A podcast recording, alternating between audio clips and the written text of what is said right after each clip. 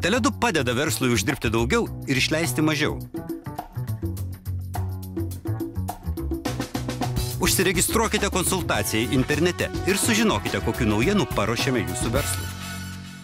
Rinkitės, aplankykite ir palaikykite smulkų į verslą savo mieste. Pradėkite apsilankydami www.planas.a.lt. Iniciatyva Planas A pristato Šiaulių bankas.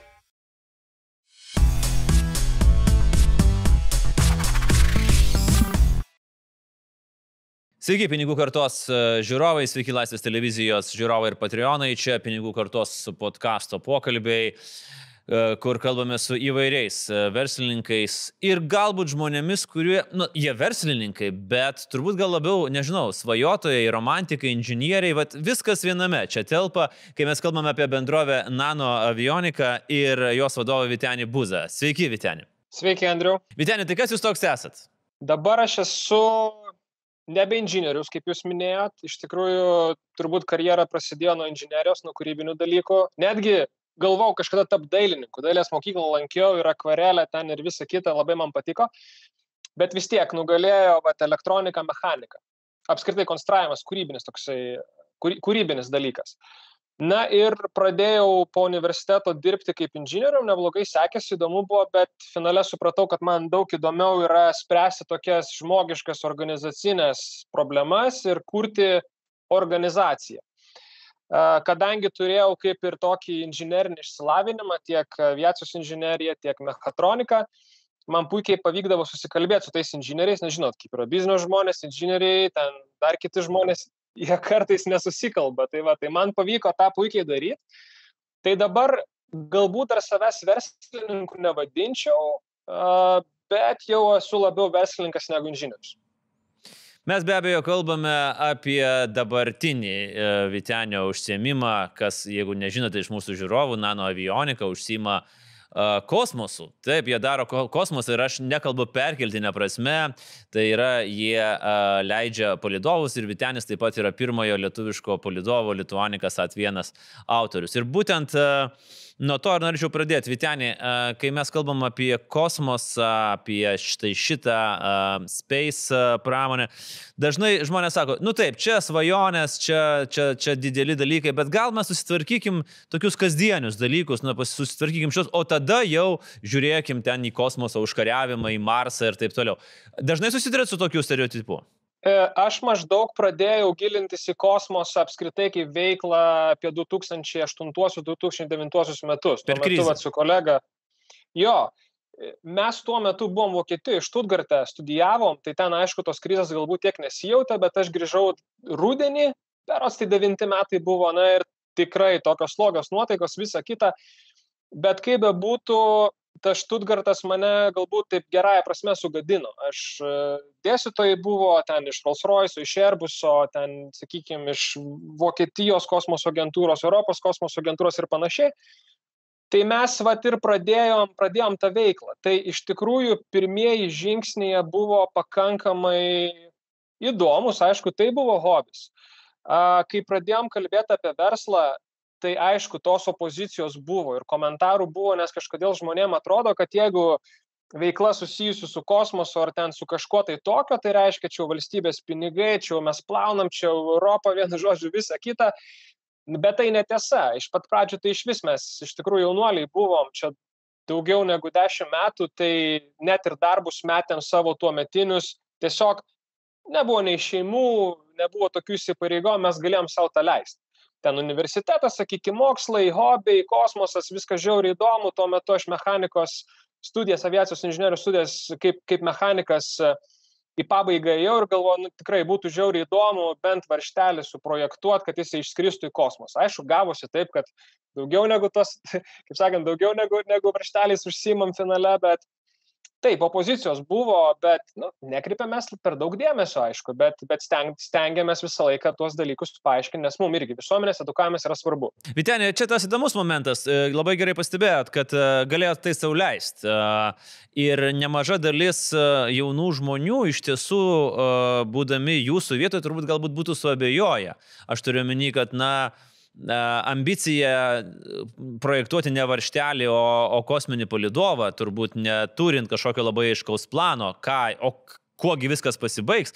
Na, čia toksai yra very high risk, high reward, net jeigu Taip. gali sauliaisti. Taip, taip, taip. Iš tikrųjų, pradžia buvo tokia, kadangi taip šnekam apie asmeninius dalykus, tai pati pradžia buvo tokia, kad net galbūt nebuvo kaip už nuomą susimokėti. Su dabartinė žmona, sakykime, tuo metu draugė, mergina mes gyvenom ir galvom, kaip čia dabar už nuomą susimokėti, bet mes jautėm, kad reikia investuoti. Tai yra, vat, tai yra kelias, kuriuo reikia eiti. Galbūt tai bus sunkus kelias, reikės ieškoti finansavimo, visą kitą, bet mes užsibrėžiam tikslą eiti tuo keliu. Tai atsimenu netgi tokių epizodų, kai, sakykime, dar tuo metu dirbau nu, valdišką, vadinkim, darbą, tai gyvenau centre su draugais, kai visą laiką studentai išsinuomavę ten trijų kambarių būtą penkiese. Tai buvo taip, kad net, sakykime, reikėdavo eiti pėsčiam į darbą, kuris, kuris būdavo kitam Vilnius gale, bet visiškai aš dėl to nesijaudindavau, ta prasme tai buvo normalu.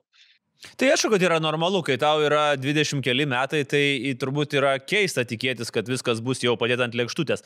Bet e, Vitenį, man klausimas vat, yra, a, išgirdau žodį investuoti, vat, su žmona, kai sakot, kad reikia investuoti. A, ar jūs nuo, pirm, nuo pirmos idėjos atsiradimo, kai atsirado idėja, pa, pa, pabandykim, nes aš manau, kad tai yra svarbu ir bet kuriam, kas e, žmogu, žmogui, kuris sugeneruoja idėją, ar nuo idėjos paleisti lietuvišką palidovą jūs jau turėjot kažkur viziją, kažkur galvoj, kad tai taps verslu ir kad į tai reikia investuoti kaip į verslo idėją, o ne kaip į tokią, žinai, wow, paleisiu palidovą, būsiu kietas. Vizija visą laiką buvo, aš kiek atsimenu save, turbūt kiek protaut pradėjau, ten keturi metai, penki metai, kai pirmą kartą susidūriau su inžinierija, aišku, ten tėtis, senelis, kažkokia vizija visą laiką buvo, kad reikia į tuo keliu, kad aš jaučiuosi tarsi, galbūt tai žmonės vadina pašaukimu, aš nežinau, bet man ten gera, aš jaučiuosi kaip namie. Tai yra mano. Ta prasme, ne tai, kad aš čia viską savinosi, bet aš jaučiu, vat, kad tai aš ten esu ir turiu būti. Tai yra teisinga vieta.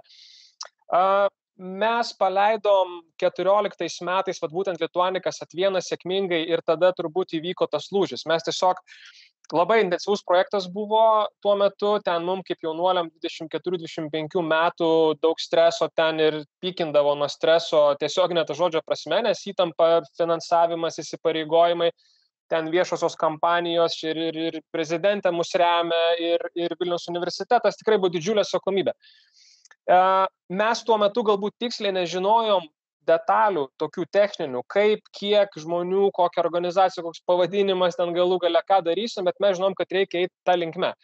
Ir 14 metais, vad būtent polituanikas atvienas sėkmingos misijos, kai viskas taiga baigėsi, tas tempas atslūgo, aišku, tokia tuštuma šiek tiek apima, kaip ir visą laiką ilgus projektus vykdant, mes atsisėdom ir sėdėjom, ką mes čia dabar galim veikti toliau. Tai vienas variantas buvo mokslas, akademija, Mes 12 metais NASA Ims tyrimų centre pakankamai sėkmingą stažuotę turėjome, tai galbūt tenai netgi su tam tikrais rimtais universitetais Kalifornijoje būtume ryšių užmesgę, tiesiog reikėjo to impulso į tą pusę, o kitas variantas buvo tiesiog sukti verslo linkme.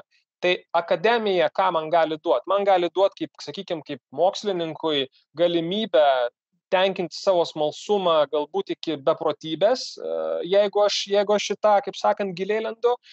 Bet verslas ką man gali duoti? Verslas man duoda daug daugiau galimybių, daug daugiau galimybių padaryti gerus sprendimus. Aišku, kad gerus sprendimus padaryčiau daug klaidų padaryti ir panašiai.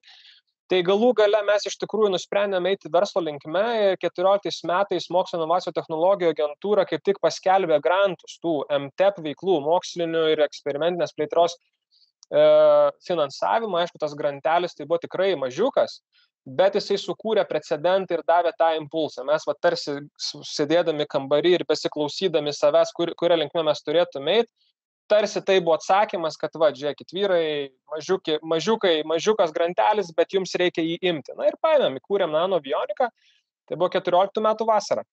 Grįžkime prie uh, Lituanikos atvieno. Uh, kai prasidėjo darbas, kiek jums buvo metų? 23 kažkas tokio tiksliai. Ok, 23, tai aš taip suprantu, jūs turėjot pa, patirties inžinieriui dėl savo studijų. Teisingai, Vitenė? Jo, aš, aš jau porą metų dirbau kaip inžinierius, konstruktorius, dizaineris, buvau studijas jau bakalauro pabaigęs ir jau magistrantūrą studijavau pačiam vidury, galima sakyti, studijų. Gerai, tai mes uh, pereikim per kelis tokius momentus, todėl kad į vieną čia sukrito, aš suprantu, ir uh, vadybiniai procesai, ir pats sakėt, kad vienam interviu, kad čia buvo jums puikiai politikos, diplomatijos, inžinierijos mokykla. Pradėkim nuo vadybinių procesų. Vat įsivaizduokim, nes aš manau, kad tikrai mūsų auditorija yra labai panašaus amžiaus, kai nemaža dalis žmonių, kurie mūsų žiūri, bet koks buvot jūs, dėl ko aš ir klausiau. Uh, vadybiniai procesai. Ateinat be vadybos e, žinių, nes ateinat iš inžinierijos pusės. Kokios buvo klaidos? Turbūt pakalbėkime apie klaidas. Kur va, dabar matot klaidas vadyboje, o po to pakalbėsim apie kitus rytus. Labai įdomus klausimas ir iš tikrųjų dažnai, dažnai diskutuojam su kolegom. Tai vat, pirmas, vat, kai, kai užduoda tokį klausimą, pirmas dalykas, kas šauna į galvą, tam tikri buvo dalykai tame vadybinėme organizacinėme kelyje tu turi nuojautą, ta prasme, tu įsigilinęs į dalyką, į organizaciją, ten inžinierę, visą kitą ir tu turi nuojautą, kad kažkas veikia ne taip. Ir kartais galbūt tai yra sunkus sprendimas, bet gal kažką reikia atleisti, gal kažką reikia pakeisti, gal kažką reikia, kaip sakant, tokio grubesnio galbūt valios sprendimo. Tai iš esmės galbūt ne tai, kad klaida, bet pamoka, kuri, kuri, kurią vat gavau, tai jeigu turi nuojautą, kad kažkas vyksta ne taip, čia ir dabar imkis veiksmo nes tiesiog tu atidėlioji, atidėlioji, atidėlioji tuos dalykus, o finale vis tiek sugriūna. Tai va tai buvo man pamoka, va, kai Taip. man buvo maždaug 23-4 metai. Gerai, bet žiūrėk, bet įdomus momentėlis. Jūs sakot nuojautą, ar ne? Vadinasi, Taip. nuojauta jums sakė, kad kažkas ne taip. Neskaičiai, ne tai, kad ten minus 13 procentų ar ne, ar ten, nežinau, žmogus uh, uh, turėjo padaryti trečiadienį, o padarė pirmadienį. Nu, žinai, grubiai šnekant. Turėjo tą nuojautą, ar ne, tą, tą tokį mistinį dalyką patikslinsiu, inžinerinė nuojauta vis tiek universitetas kaip bebūtų išmokė analizuoti, kas yra labai gerai. Per daug tikrai analizuoti nereikia, nes kiek nori analizuoti verslą, ten biznis, skaičius, finansus, bet vis tiek vat kartais yra tas toks dalykas, kodėl Facebookas yra Facebookas, kodėl Amazonas yra Amazonas. Ten skaičiuok kiek nori, bet ta prasme tinkamas žmogus atsiranda tinkamoje vietoje, kaip ir jūs, pavyzdžiui. E, fenomenalus, sakykime, žmogus tai šitoj vietoj ta inžinerinė nuojauta, analizė ir galbūt e, toks, sakyčiau, jausmas, kaip turi būti dalykai padaromi teisingai. Bet vėlgi, tikrai pabrėžiu, kad analitiniai dalykai, savianalizės dalykai, savęs analizavimas, kaip galų galia nuo to prasideda viskas, kaip pats reaguoji stresinėse situacijose. Tai jeigu tu negali susitvarkyti su savim, tai kaip tu susitvarkysi su organizacija, kurioje ten yra keliasdešimt galbūt žmonių. O kaip tvarkėte kaip... su savim? Vat sakot, nuo streso net pykino jūs ir bendraminčius. Kaip tvarkosi, jau tvarkydavosi, vat, vėlgi, žmonės ateinantis iš techninio, techninio, sakykime, taip, su techniniu backgroundu ir jie susiduria su psichologiniais dalykais, nes, sakykime, stresas yra vadybinis psichologinis. Kaip, e, kaip uh, suvokti, kas tau darosi ir kaip išspręsti tai? Kaip sprendėte? Tai, Tai, tai yra procesas, aišku, pakankamai, pakankamai sudėtingas, ypač kai, sakykime, nėra žmogaus, kuris žiūri tave, coacherio ar ne, kuris žiūri į tave iš šono ir galbūt duoda patarimus. E, sunku ir aišku, kai galbūt eini tais takais, kurie nebuvo praminti prieš tai. Bet vėlgi, savianalizė ir pagrindinis klausimas, kurį savo pats užduodavau, kaip šitoj konkrečioje situacijoje reiktų pasielgti, kad tai būtų teisinga. Tai buvo esminis klausimas. Atmetu emocijas, atmetu baimę, jos irgi būna, atmetu stresą, jos irgi būna, atmetu galbūt azartą, ten kažką greit padaryti, neapgalvotai, tai irgi atmetu, kiek įmanoma. Aš negaliu, aišku, objektyviai visko atmesti, bet kiek aš galvoju, kad aš tai padarau objektyviai. Na ir analizuoju ir galvoju, kaip čia dabar pasielgti teisingai. Tai man tas padėdavo, man asmeniškai. Mm. Kiti galbūt turi kitokį metodą. Vitenė, o politika ir diplomatija, kuriant e, lietuvišką polidovą, nes vėlgi jūs jau minėjot, kad čia aukščiausiam politiniam lygmenyje buvo sureaguota. Kitas dalykas, kad mes čia turėjom tokį L klasiko, ar ne, kaip e, Realas prieš Barceloną, tai mes turėjom Vilnių prieš Kauną. Ir e, aš skaičiau jūsų ir jūsų, ir, ir kitų, sakykime, šitos ryties specialistų atsiliepimus, kad taip viskas baigėsi labai gerai, nes rezultatas yra du polidovai, o ne vienas. E, nu, tai čia, aš žinau šitos gražius tekstus. Hebra, come on, e, Vilnius prieš Kauną, KTU prieš VU, tai pabaigoje viskas labai gražu ir visi draugai. Bet e, va čia buvo pamokas, kokios pamokos iš čia buvo? Būtent e, politinis, diplomatinis ir tas dar, na, var, varžybinis, lenktyninis buvo tas toksai momentėlis. Tai va, čia žiauriai geras klausimas, iš tikrųjų, tai pamoka neįvardinant jokių žmonių. Gerai. Partnerius renkantis reikia rinktis teisingai. Ir jeigu turi nuojautos, kad su jais nepaeis, tai ir neik. Čia gali žmonės interpretuoti kaip nori, bet, ta prasme, nu, tokia tiesa, ne visai teisingi buvo partneriai pasirinkti iš pat pradžių, bet už savo komandą, kaip sakant, už savo Hebrą dabar galiu pasakyti tvirtai, VU, tuometinė prezidentė, visos organizacijos, kurios mums padėjo, super ačiū, supratingumas, aukščiausio lygio parama ir, ir, ir visokia, kokia tik nori parama. Pradedant tokia tiesiog palaikymų pašnekėsiais, kas irgi svarbu galų gale ir baigiant netgi ir finansinę paramą ir, ir konkrečiais darbais. Tai baigėsi viskas gerai. Ta prasme, Lituanikos atvienas komandai, o aišku, aš ten vėlgi kitų komandų rezultatų, ne man turbūt komentuoti, aš tik tai galiu numanyti. Uh, gerai, pasileidus atvienas, uh, visiems tai buvo toksai, na, uh, smagu tai stebėti.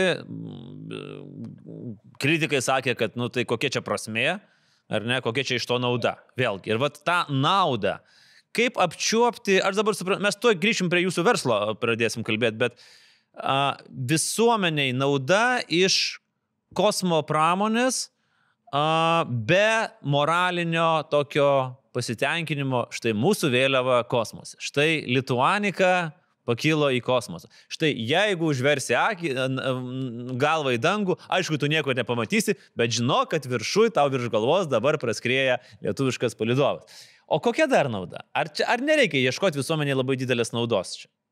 Tai jo, gerai jūs pastebėjot, va iš tikrųjų tos vėliavėlės kosmose ir visa kita, aš tame, kadangi buvau su kolegom, tai pats šiek tiek keistai jaučiausi dėl to, nes, na, na kas iš to, vėliavėlė, ten visa kita. Tai darėm, nes tai reikėjo daryti, tikrai žmonėms buvo įdomu, mes ten tos varžybos čia lenktyniaujam, čia Delfis 15 minučių, LRT, čia TV3, vienu žodžiu, čia vėlgi grįžtam prie to, man 24 metai, aš galvoju, wow, žinai, LRT sekmadienis, kaip sakant, prime time mano veidą rodo. Ta prasme, kosmosas. Kosmosas. Aš, bičias, a, aš kaip sakant, bičias iš Jonavos, paprastas žmogus, kaip į Vilnių atvažiavęs čia prieš 15 metų studijuoti. Tai, tai taip, tai čia simboliniai dalykai. Aišku, jie naudingi yra ta simbolika, čia turbūt kultūros dalis apskritai yra techninės kultūros, čia menas, visa kita. Bet nepaisant to yra dar du dalykai. Tai vienas dalykas yra apskritai edukacija. Aš jau nekalbu apie tos žmonės, kurie tame dalyvauja konkrečiai kaip komanda. Jie labai daug išmoksta, kaip inžinieriai, kaip, kaip vadybininkai, kaip kas tik nori. Aišku, ir aplinkui tuos žmonės esanti nauda, ta prasme, edukacija, nes mes kalbam, šnekam, edukuojam žmonės, tarkim, jaunuoliai pamato, kad nebūtinai ten į UK ar Vokietiją ar US reikia išvažiuoti, jie gali čia kažką bandyti daryti, nes vat, kažkas lik vyksta. O galų gale tai yra ūkis, tai yra, tai yra ūkio šaka, tai yra pramonė, tai yra eksportas, tai yra pakankamai didelės sumos šnekant apie projektus, ten vienas palidovas, ten nuo minimum 500 tūkstančių prasideda jo kaina. Mes visą tai eksportuojam 100 procentų, sukūriam darbo vietas. Pas mus 40 procentų, 40 procentų žmonių, lietuvių, dirbančių įmonė yra grįžę po studijų užsienyje. Taip. Tai yra irgi šioks toks kosmosas, kaip mes irgi vėlgi analizuojam, nes ir su agentūrom, ir su Europos agentūrom, ir su Lietuvos mes šnekam, tai yra labai įdomi statistika iš tikrųjų. Tai dabar į šitą klausimą atsakau paprastai. Tai yra ūkio šaka, tai yra industrija. Mes kūriam darbo vietas ir kūriam produktą. Gerai, tai ir pakalbėkime apie jūsų kūriamus produktus. Vėlgi, kaip, ir, kaip tobulėja palidovai tiek apskritai rinkoje, tiek tie, tie kurie, kuriuos jūs kūrėt. Nes, nu, tarkim, mes labai aiškiai matom, ar ne? Nu, iPhone, pirmas iPhone'as nuo 12 skiriasi iš esmės. Ar, ar, ar, ar kompiuteriai, ar, ar, ar kiti dalykai, ką, ką mes vartojam. O kaip skiriasi palidovai? Pavyzdžiui, koks, koks skirtumas yra tarp pirmojo palidovo, kurį jūs konstravot, arba pirmojo galbūt to komercinio, sakykime, ar ne, kurį jau pradėjot kaip, kaip nano avionika, ir nuo to, ką darot dabar ir kaip keičiasi rinka? Taip, čia turiu tokias dvi paralelės papasakot. Tai pirmoji paralelė apskritai palidovas kaip savoka, kaip, kaip daiktas, o kitas dalykas, kurioje industrijos šakoje mes dabar dalyvavom. Tai jeigu nukrypsiu po to, gražinkit gerai. mane gerai prie to. Bet mes niekur nes. prie, prie to dabartinio klausimo. Tai va, apskritai, kas tas palidovas? Tai yra daiktas, kuris dirbtinai yra paleidžiamas ir skrieja aplink Žemę orbitą, ar ne, jis atlieka tam tikrą funkciją. Telekomunikacijos, fotografuoja, navigacija, GPS gerai naudojamas, mes tas technologi tech, palidovinės technologijas naudojam kiekvieną dieną ir taip dažnai, kad net jau nebejaučiam patys. Galbūt informacija ateina pas mus iš draugo Amerikoje, e-mailas ateina per palidovą, kas ten žino. Uh, tai va, tai tas palidovas, aišku, pirmų, pir, pir, pirm, pirm, pirmų, kaip čia, pirmų etapų jisai užgimė kaip gynybinė priemonė, Sovietų, Sovietų sąjunga, Amerika, kapitalistinis pasaulis, ten socialistinis, vienu žodžiu, kas čia geriau ir kas čia stipriau. Tai pirmieji palidovai buvo visiškai nukreipti į gynybą, į gynybą, į polimą ir panašiai. Tai tai, tai vyko 50-60 metais panašiai. Nuo to laiko, aišku, technologijos didėjo, atsiranda tranzistorius, lempa, tą vat lempą kaitrinę didelę, ne kaitrinę, bet tą lempą, kaip sakant, vat, kaip prisimenam ten pas močiutę radiją ir televizoriuje, pakeičia tranzistorius. Tada ten apie 70-80 metus elektronika ten visiems ten vaizdžiai tariant, galvas nuneša tos tranzistorius, gerąją prasme, kiek dabar galima į tą patį turi prikišti super ten computational galių ir panašiai. Tada palidovai jau tapo dideli, pradėjom šnekėti apie telekomunikacijas, atsiranda ten apie 80-osius metus pirmieji telekomunikacijų palidovai, ten AT&T, Amerikos, Amerikos telija tą paleidžia. Na ir jie pradeda kažkiek mažėti, nes elektronika, žinot, dėsnius, e, integralumas ir funkcionalumas didėja eksponentiškai. Na ir tas palidovas tampa tokia savoka maždaug stereotipinių dalykų, kuris maždaug yra lengvo automobilio dydžio, sveria apie pusantros tonos, ten daug antenų pridėta, saulės panelių, ten blizga, žvilga, viskas, jis ten sudėtingas daiktas, kainuoja ten, nežinau, turbūt kelis milijardus. A, ir jį gali paleisti tik tai valstybės, bet pale, arba didžiulės megakorporacijos. Taip. A, ir tas palidovas vis didesnę vietą atrasdavo tokiuose kasdienėse, kasdienėse veiklose. Kaip žinom, buvo bandymų rimtų paleisti palidovinį telefoną, in, e, Inmarsat tokia kontora buvo, ten ir bankrutavo, ir po to atgimė, ir visa kita, galbūt per anksti tai pradėjo. E, na ir palidovas tapo, pradėjo tapti tokiu labiau jau komercinių dalykų, nebe valstybės galios demonstracija, bet komercinių dalykų, kur gali nešti konkrečią naudą žmogui ir, ir globaliai tą žmogų gali uh, sujungt, kaip sakant, Taip. telekomunikacijomis, internetu ir panašiai. Tai va, tai yra palidovas, tai yra, tai yra, uh, tai yra toks kaip, kaip daiktas, kaip, kaip šaldytuvas, tik tai jisai ne šaldytuvas, o atlieka tam tikras sudėtingas funkcijas, skrenda kosmose.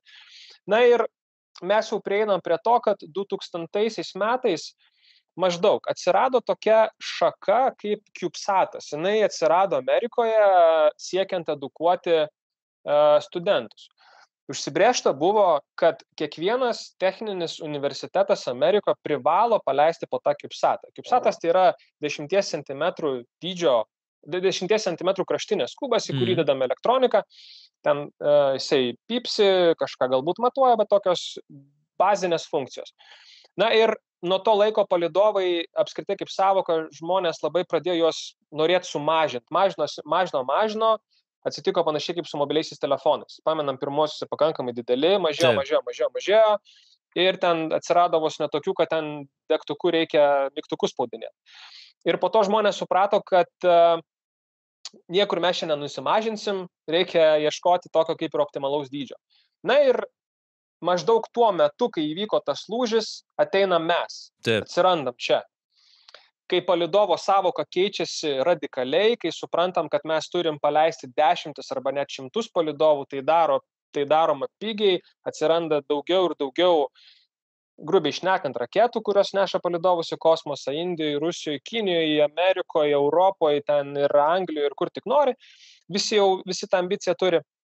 Ir tai gauna didelį, didelį pagreitį. Ir, ir, ir jo, tas palidovas mažėjęs, mažėjęs, mažėjęs, jisai supranta, kad vis tik galima truputėlį atleisti vadeles. Mm. Ir šiai dienai mes labai daug vilčių dedam jau nebe į automobilio dydžio pusantro, pusantros tonos sverinti palidovą, bet maždaug į mikrobangės ar ten pusę šaldytuvo dydžio daiktą, kuris vėlgi patobulėjus mikroelektronikai, ten atsiradus visokių mažų superkompiuteriukų, jisai jau, jau mes su juo galime atlikti tam tikras funkcijas, palyginamas jau su to pusantros tonos stereotipinių palidovų. Tai čia vat tokie virsmai vyko. Taip. Tai gerai, tai dabar įsivaizduokim, turim tą mikrobangę, ar ne, jeigu jau taip čia vul, vul, vulgaris, vulgariai, vulgariai kalbant, reiškia. Ką, e, kodėl jūs ją turit paleisti, tai yra kitaip, kitaip sakant, koks yra užsakymas, pavyzdžiui, ką jinai turi padaryti ir kaip vyksta pats paleidimo procesas. Gerai.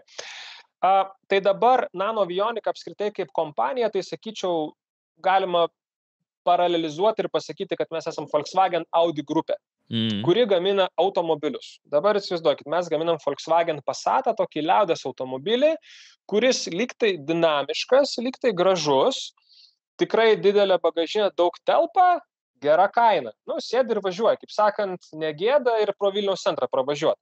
Tai vad mes esam, taip, jeigu konkrečiai šnekant, mes esam tos transporto priemonės kūrėjas, ar ne, gamintojas. O toliau pas mus ateina mūsų klientas. Vienas klientas nori, kad iš to Volkswagen Passato būtų padarytas ugnegesių automobilis, kitas nori, kad iš jo būtų padarytas medikų automobilis, trečias galbūt krovininis, ketvirtas, ten nežinau, burgerių kioskelis ir panašiai ir panašiai. Tai va jau ta galutinė funkcija palidovo priklauso nuo mūsų kliento, ką jis nori ten įdėti, kokį instrumentą. Mūsų darbas yra suintegruoti jo instrumentą, paleist, kad veiktų, O tada grįžtam jau prie jūsų klausimo, turbūt, kaip paleidžiate. Taip. Tai bet ko Taip. nori klientai, ko nori, ką turi daryti ta mikrobangė, tas uh, burgerių kioskelis, ką, ko, kokie dažniausiai yra pageidavimai iš uh, įmonių, kodėl jiems reikalingi palidovai? Galima turbūt būtų iš taip iškristalizuoti keletą pagrindinių dalykų. Nori, kad būtų gera kaina, nori, kad būtų patikimas daiktas, tai yra nori matyti, kad mes esam jau prieš tai nemažai skraidinėjų. Uh, ir nori, aišku, didelio funkcionalumo, kad tai gerai veiktų resursų, elektros resursų, sakykime, grubiai išnekant, didelės saulės panelės įskleisius, ar ne, kad prigamintų tos elektros daug. Tai tokiu būdu jie gali įdėti a, savo instrumentą, kuris galbūt yra relatyviai galingas, bet jisai įdeda jį į tokį santykinai ma mažą, mažą palidovą, Taip. kuris automatiškai yra pigus. Tai vad maždaug taip apibendrinu. Bet, bet čia, nori... aš suprantu, bet čia jie nori techninių sprendimų, o dėl ko jiems reikalingi palidovai. Dėl ko, pavyzdžiui, gal yra kažkokių kon konkrečių pavyzdžių. Ateina įmonė A ir sako, mes norim paleisti palidovą, nes mums reikia, nu ko? Gerai. Komunikacijos, jo. dar kažko. Ko, ko reikia žmonėms? Taip, taip. Tai vad, pradedant turbūt nuo pačio tokio paprasčiausio arba suvokiamiausio pavyzdžio, dabar turim labai įdomų klientą iš, iš Junktinės karalystės jie nori realiu laiku HD formatu, HD formatu, kas yra žiauriai daug duomenų, filmuoti Žemę. Ta prasme, tai yra jų bizinio aplikacija. Vat pasidarau telefoną, pasižiūriu, filmuoju, nežinau, Škotiją, ar ne? Tai vat viena iš tokių bizinio aplikacijų. Jie ten nori, aišku, visokius išvestinius dalykus daryti, laukų stebėjimas, infrastruktūros stebėjimas, urbanizacija, ten žemės ūkis ir panašiai ir panašiai. Bet vat viena, sakykime, iš tokių įdomesnių aplikacijų, ką jie nori daryti. Tai jie įdeda kamerą, skraidina, mūsų prašo, kad mes prisiųstume duomenis. Toliau, aišku, yra uh, mokslinių dalykų. Dirbam su NASA. Tai jie nori atlikti tam tikrus mokslinius fundamentinius tyrimus. Jie mūsų jau tą burgerių kaskelį, jie deda kažkokią akį ar kažkokią ausį, kuri, kuri sakykime, tyria šiaurės pašvaistės. Nes jinai pakankamai pigiai paleidžiama ir jie surenka duomenų, nes kitu atveju ten jie turėtų išleisti šimtus turbūt milijonų, ieškodami specialios programos. Toliau turbūt populiariausias dalykas yra telekomunikacijų sritis, daiktų internetas. Tikriausiai esat girdėję, tai tarkim, kaip veikia daiktų internetas, ar ne? Kažkokios pavyzdys ilgos elektros perdavimo linijos kurias reikia stebėti. Tai yra daroma visur pasaulyje. Ir lietuvoj daroma ten žmonės čipais važiuoja eina kai kur sraigtasparniais skrenda. Tas linijas reikia stebėti žiūrėti jų būklę ten ar ar ar koks laidas neatsikabino ir panašiai grubiai pasakius. A, tai vat viena iš tokių aplikacijų pridedam jutiklių ant tokių stulpų. Taip. jie maitinami saulės elementais, pasikrauna bateriją ir jie siunčia duomenis per palidovą, tarkim, ten per dykumą eina Saudo Arabijoje aukštos įtampos laidai, jam nereikia važiuoti. Ir jie turi, vat, atsidaro duomenų bazę, monitorių, pasižiūri ir žino statusą tos elektros linijos būklės. Tai čia vat, tokie kaip ir pavyzdžiai būtų.